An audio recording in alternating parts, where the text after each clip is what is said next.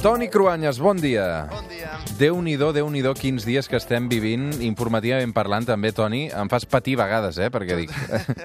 Totalment, totalment judici, eleccions. Aquesta setmana, a més a més, amb el Vaticà també ens ha donat uh, informació a dojo i la setmana que ve ja veuràs. Sí, a més a més, eh, hi va haver un dia aquesta setmana que dic, és que clar, comença el TN a les 9 i el judici continua. és a dir, hi va haver un dia que es va acabar a quarts de 10, la declaració... Sí, sí, sí, eh, no sí, sé sí. si era Carles Mundó en aquell moment, sí, sí, era Carles, Mundó. I portaven, bueno, portaven 13 hores des de l'hora que havien arribat amb els furgons els, mm. els acusats. Sí, sí.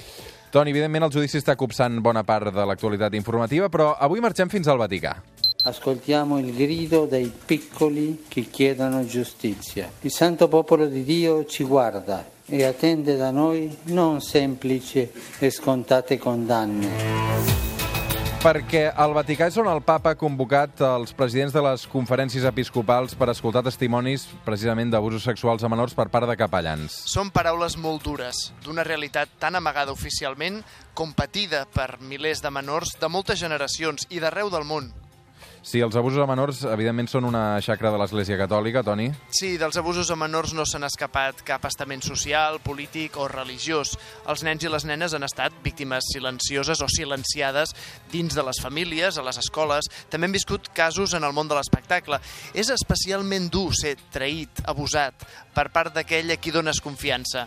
Monitors, mestres, familiars... Fa tres anys també hi va haver un escàndol d'abusos majúscul. Recordem-ho, hi havia implicats els cascos blaus de Nacions Unides. Sí, eren cascos blaus enviats a la República Centrafricana per salvar població civil i van resultar ser depredadors sexuals. T'imagines fugir d'una guerra per caure en les mans d'uns cascos blaus que vinculen l'ajuda humanitària a favors sexuals?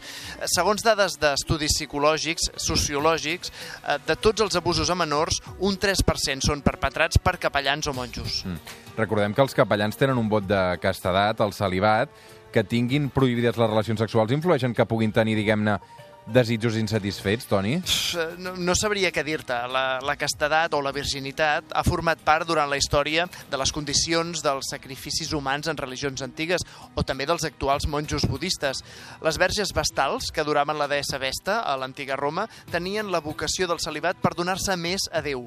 La renúncia a la vida sexual activa se suposa que les convertia en més pures i sense una activitat sexual podien canalitzar la seva energia en relació a la divinitat. En el cas del cristianisme, els primers apòstols de Jesús eren casats, en aquest cas, els primers apòstols de, de Jesús. Eren pescadors com Sant Pere que ja tenien una família. Exacte. Està clar que el celibat no és una qüestió de fe per als cristians. Els pastors protestants o anglicans es casen, o els anomenats catòlics del ritus oriental, els ortodoxos, també tenen algunes branques en què es permet que es casin. I per què els catòlics apostòlics, el que coneixem, eh, no, en aquest cas? Perquè, a veure, la principal característica dels catòlics respecte a la resta de cristians és que se someten a una autoritat jeràrquica, que és el papa de Roma, o cada bisbe a cada diòcesi.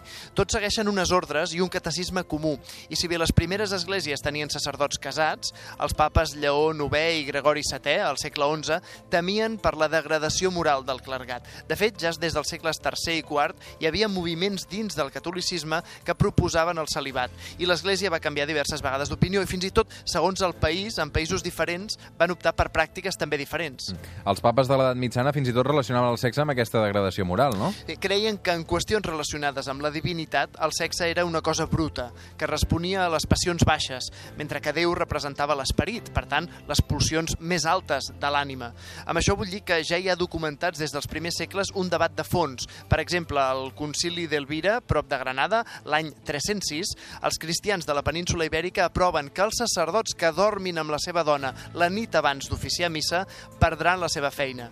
Uns anys després, el concili de Nissa decreta que els sacerdots, un cop ordenats, no es puguin casar, o fins i tot després, el papa Sirici decreta que els sacerdots no puguin dormir amb les seves esposes. I és que hi ha un pòsit moral de fons. Sant Agustí, al segle V, escriu «No hi ha res tan poderós per fer vil l'esperit d'un home com les carícies d'una dona». Tot això, Toni, té a veure amb allò que la luxúria és pecat? Bé, és que no era només el sexe amb la pròpia dona, sinó amb prostitutes o amb moltes dones. Mm. Alguns papes, un dels més famosos seria el papa Borja, Alexandre VI, va tenir diverses dones i diversos fills, tot i proclamar-se cèl·liba davant de la jerarquia de l'Església. Per tant, la lluita pel celibat també va adquirir característiques de lluita contra la luxúria, la corrupció i l'abús de poder en general. O sigui que d'alguna manera la degradació moral no només eh, tenia a veure amb el sexe, sinó que també amb altres coses. Per això es va acabar imposant el celibat, entenc. Sí, el celibat es va imposar en els concilis de Letran de 1123 i 1139, en què s'especifica que els clergues no es poden casar ni relacionar-se amb concubines. I bé, també hi ha un altre element important patrimonial inherent a la idea del celibat, i és que els capellans ja no tenen hereus a qui deixar el seu patrimoni. Per tant, l'Església aconsegueix enriquir-se gràcies als nobles i famílies riques que donen dots generoses als que trien fer carrera eclesiàstica. És una manera, doncs, d'enriquir-se també per l'Església.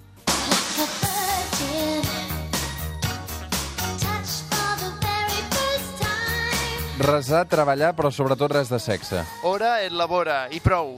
Els ordres religiosos, des de l'edat mitjana, han imposat als seus membres vots d'obediència, els benedictins són pioners, també vot de pobresa, en el cas dels franciscans, mm. i el vot de castedat. I aquests vots són bastant sagrats i bastant durs. Sí, sobretot perquè impliquen un control absolut sobre el comportament dels monjos. De fet, el Concili de Trento, de 1545, estableix que el celibat i la virginitat són superiors al matrimoni, són més purs, i aquest criteri de superioritat dels sacraments de l'ordenació sacerdotal per sobre del matrimoni es manté fins al segle XX, quan el 1930 el papa Pius XI estableix per primera vegada que el sexe pot ser bo i sant sempre dins del matrimoni. El sexo es un don de Dios, no es el cuco, es el don de Dios para amar.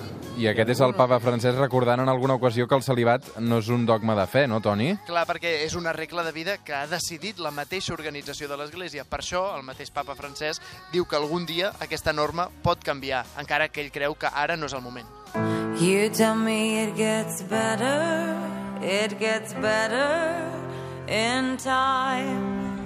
Toni Cruanyes, avui arribarem a les 9 del matí amb aquesta cançó de Lady Gaga. Eh, Crec que aquesta és una qüestió que eh, n'anirem parlant eh, de tant en tant perquè, desgraciadament, aquests episodis es van repetint. Sí, hem passat del papa de Roma a Madonna i ara Lady Gaga. Però sí, el tema és seriós, però és diumenge, això també és veritat. Toni, una abraçada, bon diumenge. Bon diumenge.